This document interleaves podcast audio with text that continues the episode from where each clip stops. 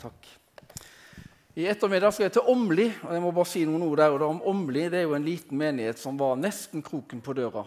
Eh, men i dag så har de begynt å tenke annerledes om sin egen rolle i samfunnet. Og de eh, blir mer og mer utadvendt. Det er jo det som er problemet vårt noen ganger. Vi blir veldig innadvendt. De blir mer og mer utadvendt, og de begynner å bety noe for mennesker i den lille bygda Åmli. Så det er veldig gøy. Ok, um, jeg skal preke. Jeg skal snakke om det å gå seg vill i dag. Er det noen her som har noen opplevelser av det? Har, har gått dere bort? Er det noen som har gått seg alvorlig bort? Sånn skikkelig alvorlig bort og blitt henta av sånn Sea King og nei, ok, nei, ikke på det nivået, men vi tar det ett nivå ned. Er det noen som har gått seg alvorlig bort? på en måte? Det var noen som Ja, ja, ja. Um, og Det er jo interessant, for det er jo ingen som planlegger å gå seg vill. Ja, men det er jo ingen som sier 'Jeg skal gå med vill', jeg. Det er mitt, uh, min livsfilosofi. Jeg skal gå med vill. Um, men, men, men, for å ta det enda ned i takt da, Hvor mange er det som har vært på i et parkeringshus og ikke funnet bilen etterpå når du kom inn, og alt ser likt ut? og dere, ja, ja. Um, hvor mange har vært i flate, flate, Danmark og kjørt seg vill i Danmark? Ja, et par, ja. Jeg har det. Eh, pluss også noen ganger eh, Jeg husker en gang på Kjevik. Jeg hadde parkert bilen, og så hadde jeg nok ikke vært helt obs når jeg skulle satt den fra meg, for jeg pleier jo egentlig å ta noen sånne merkepunkter. Eh, så inn på flyet og kom tilbake igjen og tenkte hvor, hvor er bilen? Jeg, husker, jeg hadde ikke snøring. Og når du da ser en kar med sånn trillekoffert gå fram og tilbake på en parkeringsplass, sånn hvileløst fram og tilbake, så er ikke det bare for å få skritt på en sånn skritteller. Eh, men da, er du, eh, da, da, da fant jeg ikke bilen. altså. Og jeg gikk fram og tilbake, og jeg leita og leita og leita.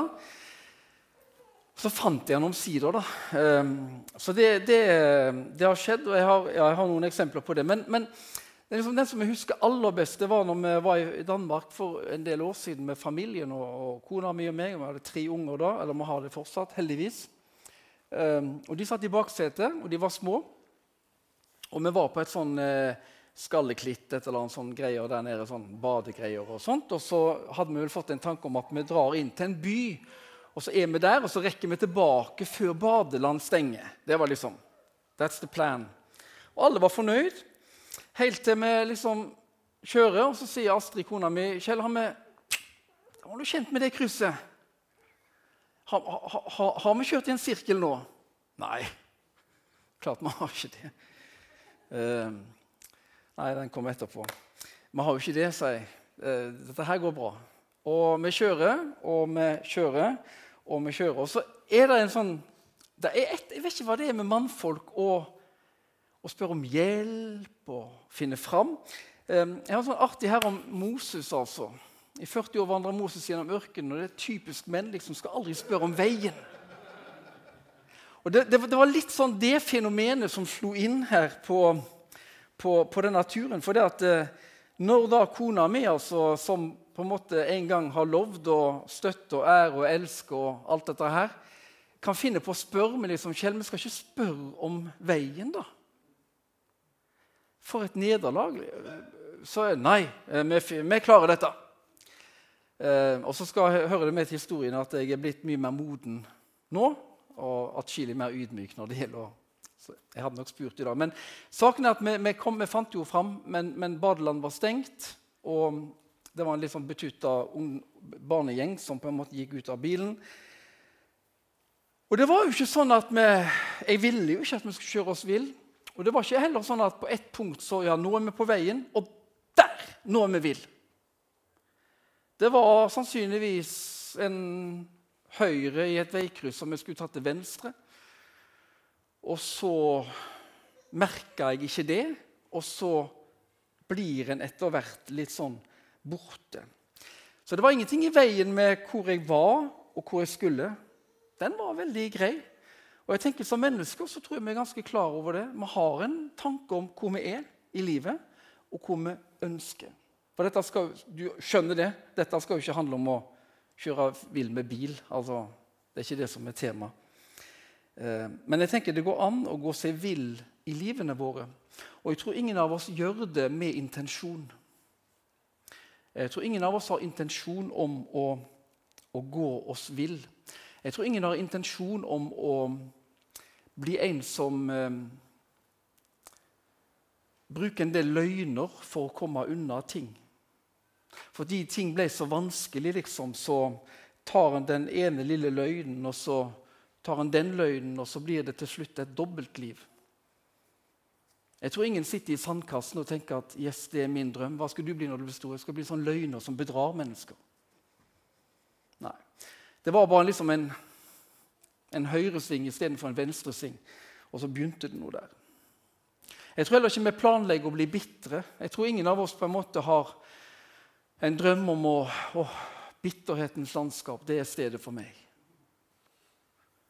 Eh, men det var bare det at det som den sa, eller det som den gjorde mot meg, det, det gjorde så vondt. Og jeg klarte aldri helt å, å slippe dette. Klarte aldri helt å gi slipp og gi taket på det. Eh, og det kan være ambisjoner. Eh, vi lever jo i en sånn prosjekt og generasjon perfekt. Og jeg tenker jeg alltid på dere unge, liksom, men det gjelder ikke bare dere unge. Det gjelder oss alle. Ida Fladen i eh, P3 hadde jo en serie for noen år siden nå, om, om, Prosjekt perfekt. Og hvor hun hadde en god del episoder om ulike, um, um, ulike temaer rundt en sånn hovedtematikk, altså jakten på det perfekte. Og da forteller hun at I forbindelse med en sånn um, innspilling så var de inne på en sånn skjønnhetssalong. Og når de kom inn der og filma, og litt, sånn, så ble hun tilbudt en sånn ansiktsanalyse. Sånn hudanalyse. Og Hun var 27 år, og så fikk hun beskjed på at um, ja, du har dårligere hud enn andre tilsvarende på din alder. Og du kommer til å få rød og litt hard hud i ansiktet eh, hvis ikke du setter i gang med behandling nå. Og du vil også få en del rynker. Så om et par år så kan det hende du skal gå over til Botox. Helt seriøst. Og hun lo av det. Hun var jo på jobb, liksom. Så Hun var jo journalist. Hun var ikke der for, for å rette på dette. her. Men hun merka at dette her satte seg jo fast i henne. Så når hun kom hjem, så kikka hun i speilet. Så hva tror dere hun så etter? Røde prikker i ansiktet. Rynker. Hva tror dere hun så etter når hun traff andre jenter på sin alder? Røde prikker i ansiktet. Hard hud. Rynker. Og Hun sa at jeg gikk inn på den skjønnhetssalongen liksom, med det beste selvbildet og kom ut ganske sånn Hei, hva er det som skjer? Og Hun sa jeg var, der bare, jeg var ikke der inne lenge heller, men dette her gjorde et veldig på en måte eh, inntrykk, og det satte seg fast i henne. Jeg tenker at Prosjekt perfekt det handler, om, det, handler også om den perfekte kroppen. Og Det er ikke noe nytt. altså Grekerne som uh, oppfant uh, olympiaden, holdt jeg på å si, de var jo også opptatt av kropp. Det var et enormt kroppsfokus. Og det har vi i dag også. Um, det kan også handle om eh, det perfekte forholdet. Det perfekte ekteskapet. Ekteskapet må være perfekt, og så finnes det selvfølgelig ingen perfekte sånne ekteskap. Det perfekte hjemmet. Eh, den perfekte fasaden. Og så er det også sagt at Det store livsprosjektet for mennesker i dag det er å realisere seg sjøl og bli lykkelig. Kaja Melsom heter en humanetisk filosof som jobber i Human-Etisk Forbund. har skrevet en bok som heter 'Den fordømte friheten'. Eh, veldig spennende. Hun har et sitat. Mens det før i tiden var Kirkens menn som formet våre moralske idealer, er det i dag medier og kommersielle aktører som har overtatt denne oppgaven. Og det moralske idealet som blir formidlet, er et frihetsideal som setter individets selvrealisering høyere enn noe annet. Den som lytter til seg selv og lever ut sitt fulle potensial, skal vinne den sekulære frelsen, og det er et lykkelig liv. Den som lytter til seg sjøl og lever ut sitt fulle potensial, Så vi kan ha ambisjoner på mange områder. Vi kan også ha ambisjoner når det gjelder karrieren vår, jobben vår. Jeg tror ingen planla å jobbe så mye at familien ikke lenger ble viktig. At ekteskapet ikke lenger ble viktig, at venner ikke ble viktig. Jeg tror ingen sitter og planlegger det. Jeg tror bare at det, det blir sånn. På samme måte som en ikke planlegger å gå seg vill, så sitter ingen og planlegger sånne ting heller. Det kan være økonomisk. En bare ble litt grådig. Jeg har aldri møtt noen mennesker som, som sier at 'jeg er grådig'. Det har jeg ikke. Eh, men jeg tror at grådigheten, som en av de syv dødssyndene på en måte, som eh, fra gammelt av, eh, den på en måte lever med, lever med meg. Eh, ja, jeg skal bare hoppe litt over den. Hun, eh, Kaja Melsom sier at vi er nå rett og slett kommet så høyt på Maslows behovpyramide at det å skaffe smør på skiva eller å bidra til fellesskapet i beste fall oppleves sekundært i forhold til det å få bekreftet egen identitet. Um, og det handler om økonomien. Jeg tror ingen Det handler bare om at en ville gjøre noen investeringer. Det handler bare om at de ville legge til side litt mer til barna. Um, en måtte bare ha nyeste modell av den greia der. Eller den bilen, eller den, hva det nå er for noe. Det kan være telefon, og det kan være hva som helst. Det som er interessant, Tilbake til hun Ida Fladen da, i p3.no. Hun um, fikk et tips av noen at uh, ta ut penger i en minibank og så gir du det til noen som du treffer på gata. Og det gjorde hun. Tok ut 500 kroner, tror jeg. For, for vi fulgte henne til minibanken, og hun tok ut penger der. Og liksom, hvem skal jeg gi de til? Og, og så fant hun et menneske hun hadde lyst og gikk hun bort. 'Hei, jeg har lyst til å gi deg 500 kroner.' Og det er klart Du sier ikke nei til det når kameraet står oppe i ansiktet ditt, og sånt, men, men, men um, hun sa at det var en utrolig, altså bare det å ta ut penger av min egen konto og gi det til noen andre Hun visste ikke engang om de trengte det. Men bare det å ta noe som var mitt, og gi det, og slippe taket, på en måte Åpne hendene og la det gå ut av mitt eget over til noen andre. Det var en sånn utrolig sterk opplevelse. sier um, Så det å være med og gi um, Og så er det sånn at det kan, vi kan gå oss vill i forhold til troa vår også. Kanskje du var veldig med en gang. Kanskje du levde i en relasjon med Jesus. og Etter hvert så blekner det, det blir litt borte. Det er ikke planlagt. Eh, Magnus Malm en svensk forfatter. Han sier at det er ikke den kritiserte troen som sekulariserer oss. Altså, det er ikke det at vi er under kritikk fra kulturen rundt oss, som er krisen for norsk kristenhet. Det er overhodet ikke eh, problematisk. Det må vi tåle, og det lever vi med. Men det som det som sekulariserer oss eller verdsliggjør oss, da, som, som, noen ville sagt, det er den bønnen jeg ikke ber, det er de bibeltekstene jeg ikke vender tilbake til, det er den gudstjenesten jeg ikke deltar i, og det er alle de områdene av verden som unntas fra et kristent perspektiv. med andre ord, Det er alle de områdene i livet mitt som etter hvert, hvor Jesus ikke lenger har innflytelse.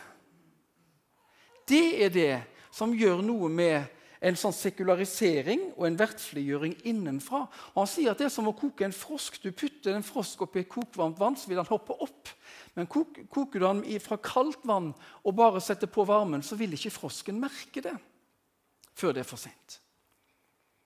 Så det er mange måter å gå seg vill på. Eh, og vi går oss vill. Jeg går meg vill. Det er ikke sånn at En gang så gikk jeg meg vill, og så fant han meg. liksom, og Siden det så har jeg aldri gått meg vill. Jeg går meg vill. Fordi det, jeg tror, det å være menneske er krevende, så det gjør at vi går oss vill.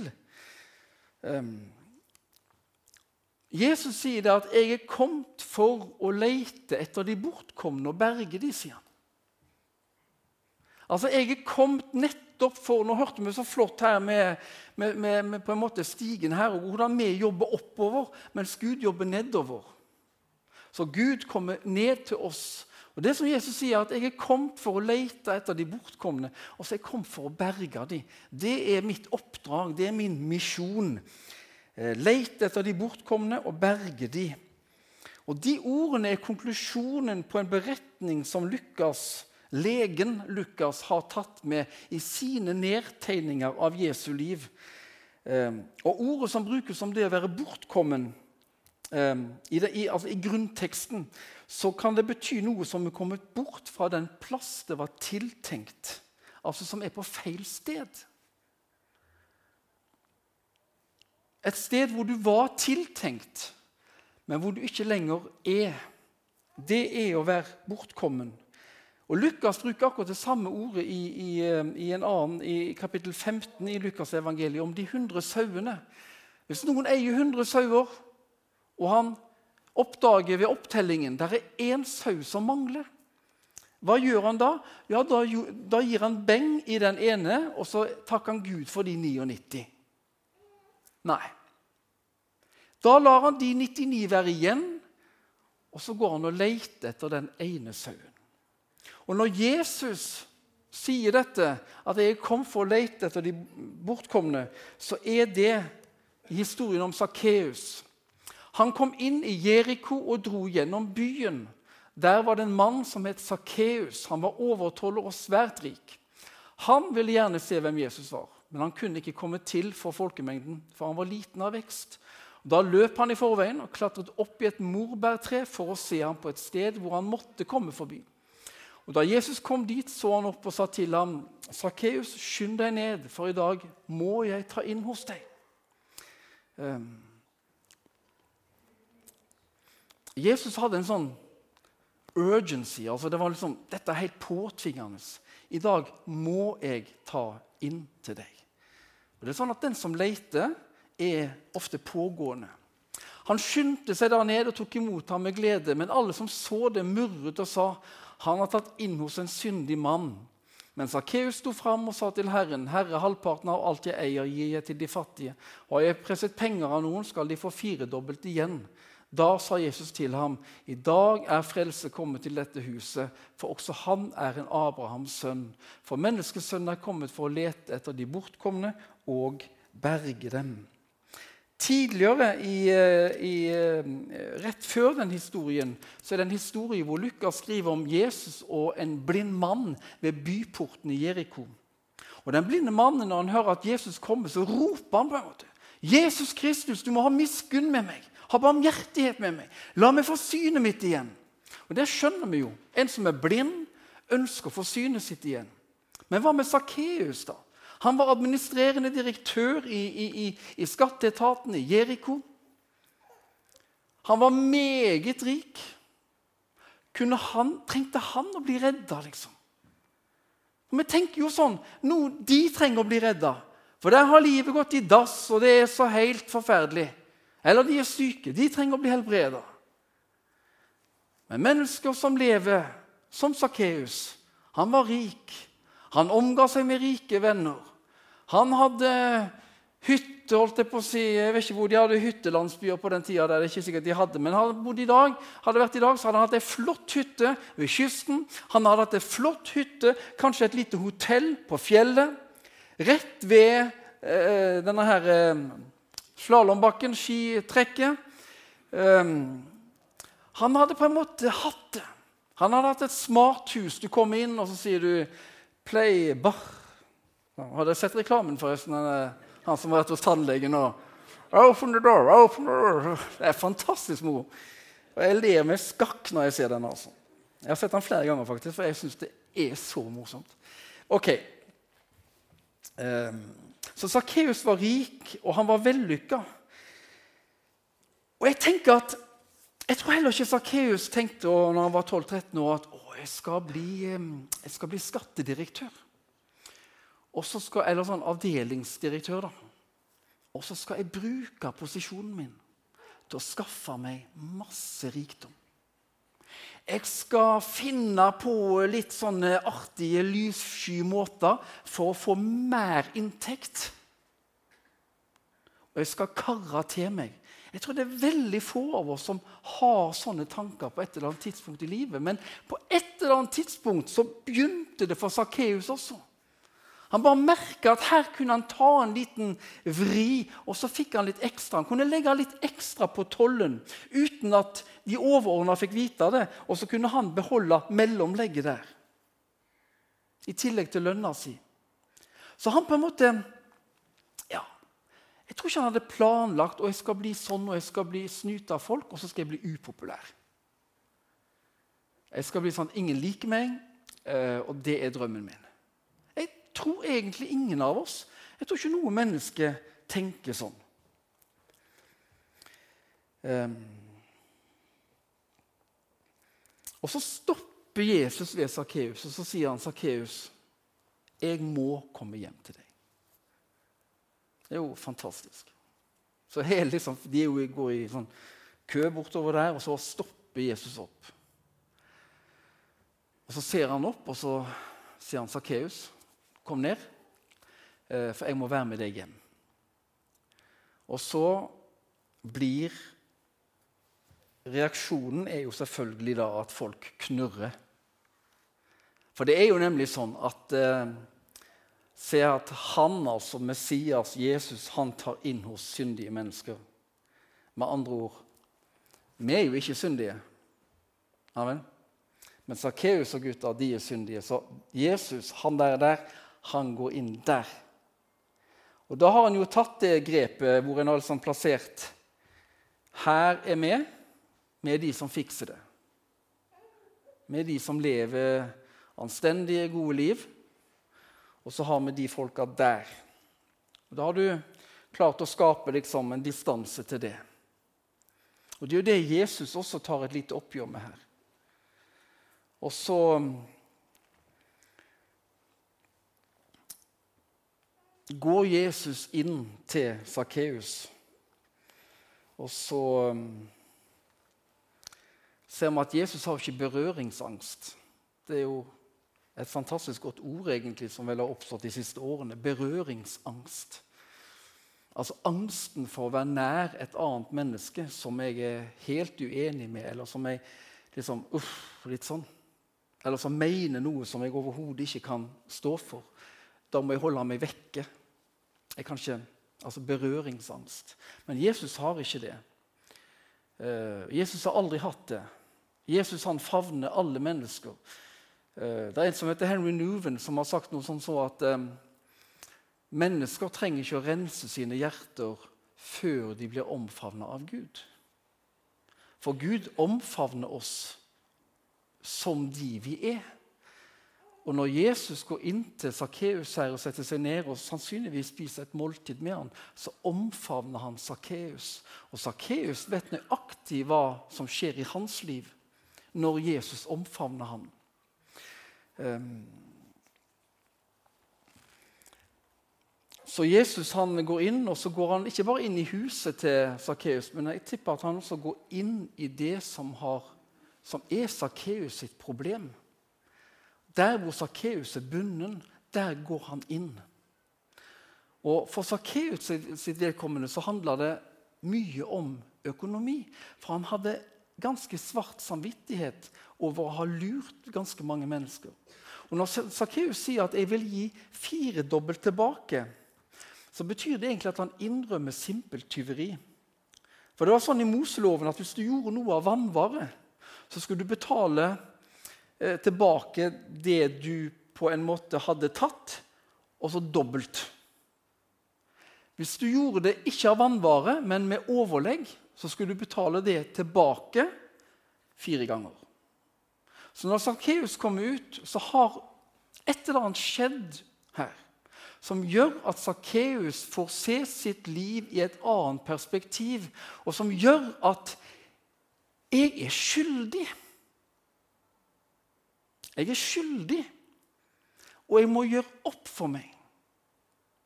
Og Det møtet med Jesus for Sakkeus det blir endringspunktet i hans liv. Jeg er ikke så sikker på at Sakkeus der og da ble kvitt all hang til å Det er ikke sikkert at endring skjer så fort i livene våre. Sånn, fra egen erfaring så tar ting litt lengre tid enn bare sånn. Svosj, så var alt vekke. Men der begynte det. Et nytt liv og en ny måte å tenke på og leve på. Og jeg har tenkt ok, Sakkeus hadde økonomi. Det er ikke sikkert vi har det, men la oss si at Sakkeus var en av de som La oss si det var bitterheter. Hva ville Jesus sagt da, på en måte, hvis, han, hvis Sakkeus satt der og var så bitter? Og dette blir bare spekulasjoner, da. Men la oss tenke oss at han gikk inn der, og så Sakkeus Hvordan er det? Så begynner Sakkeus å fortelle. Og vet du, Da tror jeg Jesus ville ha bekrefta Sakkeus. Og så hadde han sagt at Sakkeus, du har all grunn til å være sint. Du har all grunn til å være rasende. Eh, det som den eller de har gjort mot deg, er så alvorlig at du har all grunn. Så ditt sinne er berettiget. Ditt raseri er berettiget. Men spørsmålet er om du skal være i dette sinnet og raseriet resten av livet ditt. Eller om du vil la meg få lov til å gå med deg og gjøre noe med dette. Ingen lettvinte løsninger. Det som handler om tilgivelse, er ikke lettvint. Det er krevende. Men det er også krevende å være i bitterhetens landskap, så å si. Så jeg tenker at det Jesus hadde gjort Jeg tror Jesus hadde tatt Sakkeus med på en lengre reise, en lengre tur. Um,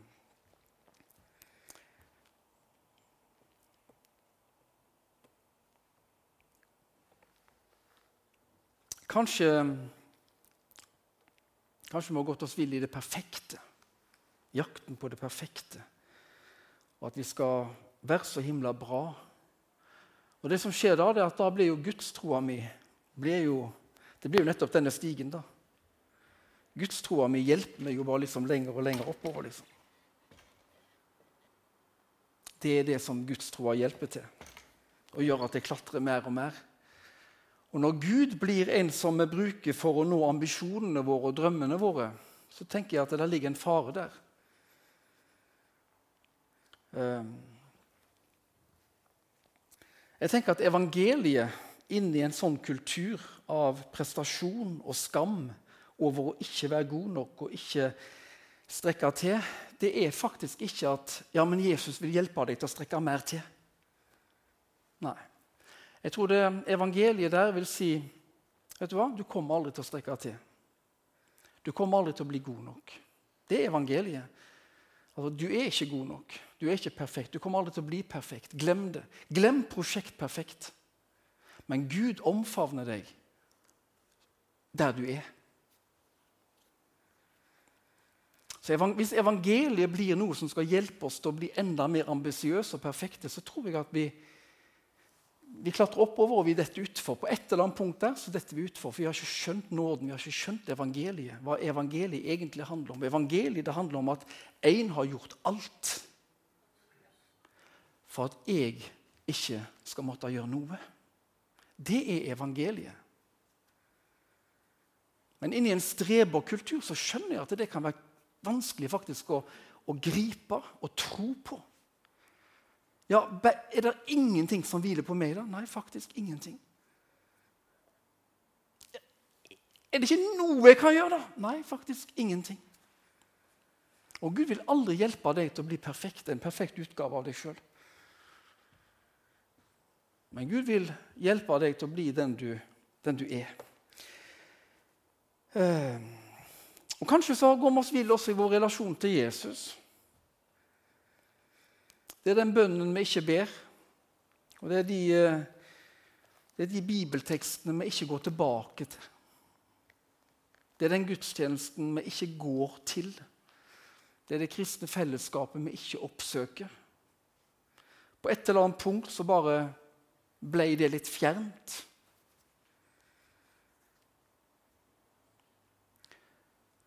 Jesus er kommet for å redde og berge og leita og berga. Og jeg er utrolig glad, for jeg lever med en erkjennelse av at jeg trenger å bli funnet. Det var ikke bare sånn at jeg ble funnet som 13-åring eh, liksom når jeg ble, kom til tro. Men jeg, jeg har blitt funnet mange ganger gjennom mitt liv. Og jeg trenger hele tida en Gud som leter etter meg. For jeg er en sau. Har dere sett sauer? Og jeg har bare tenkt Hvordan kunne Jesus liksom velge sauen som et bilde på hvem vi er? Det, det, det er nesten så jeg føler meg liksom, Hallo, Jesus. Det var jo andre litt sånn staute dyr da han kunne valgt. Men, men det, det, det, er jo få andre enn sauene som kan slippe en bæsj, og så etterpå så driver de og leter etter mat nedi dette. her. Skjønner du, altså, Jeg så sauer her nå for ikke så, ja, nå, forrige uke, og, sånn, og det, det, er liksom Og jeg tenker Gud, altså. Men det er jo akkurat sånn sau som jeg er, i alle fall. Litt uten mål og retning og mening, på en måte. Litt sånn.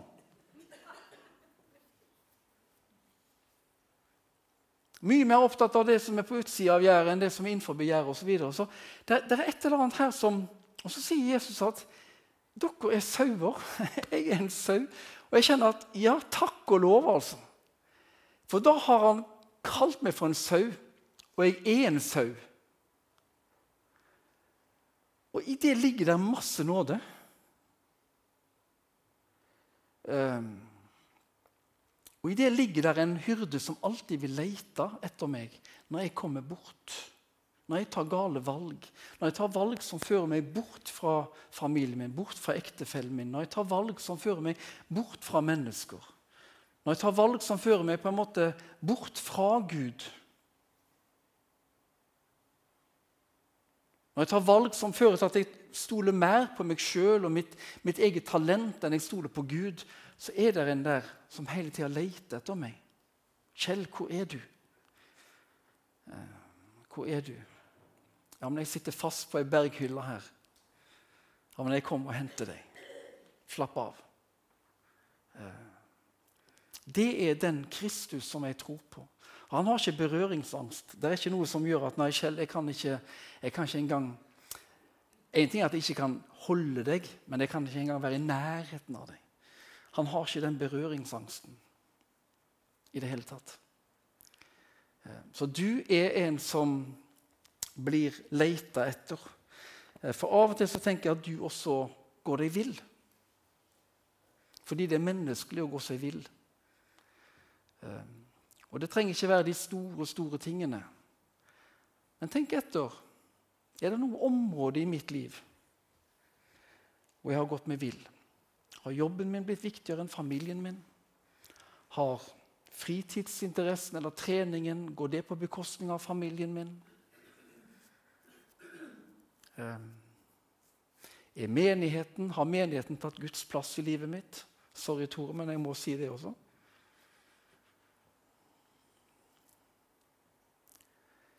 Hvor, hvilke områder handler det om grådighet?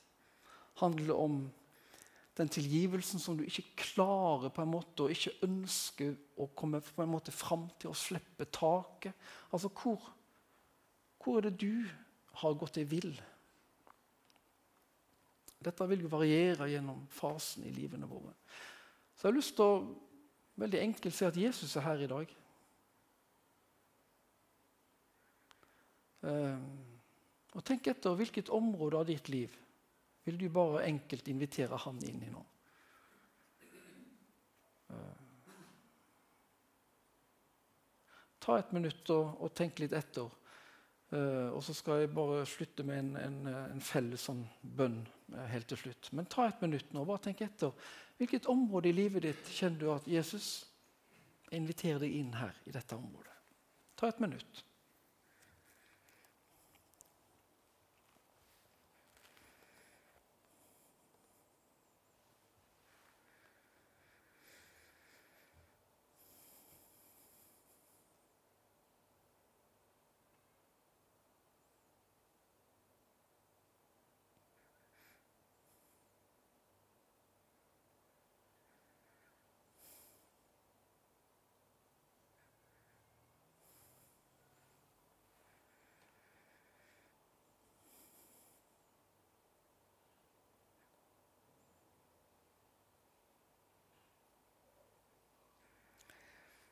Da kan dere få være med meg på denne bønnen, og den leser vi høyt sammen. Takk for at du har ført oss hit til starten av en ny uke. Bevar oss fra synd og ondskap. Din sønn sto opp fra de døde og overvant syndens og dødens makt. Forny oss i alt det vi er. Oppstandende Kristus, bring nytt liv til oss, til våre stivnede rutiner, til våre trette sjeler, til våre falmede relasjoner. Amen.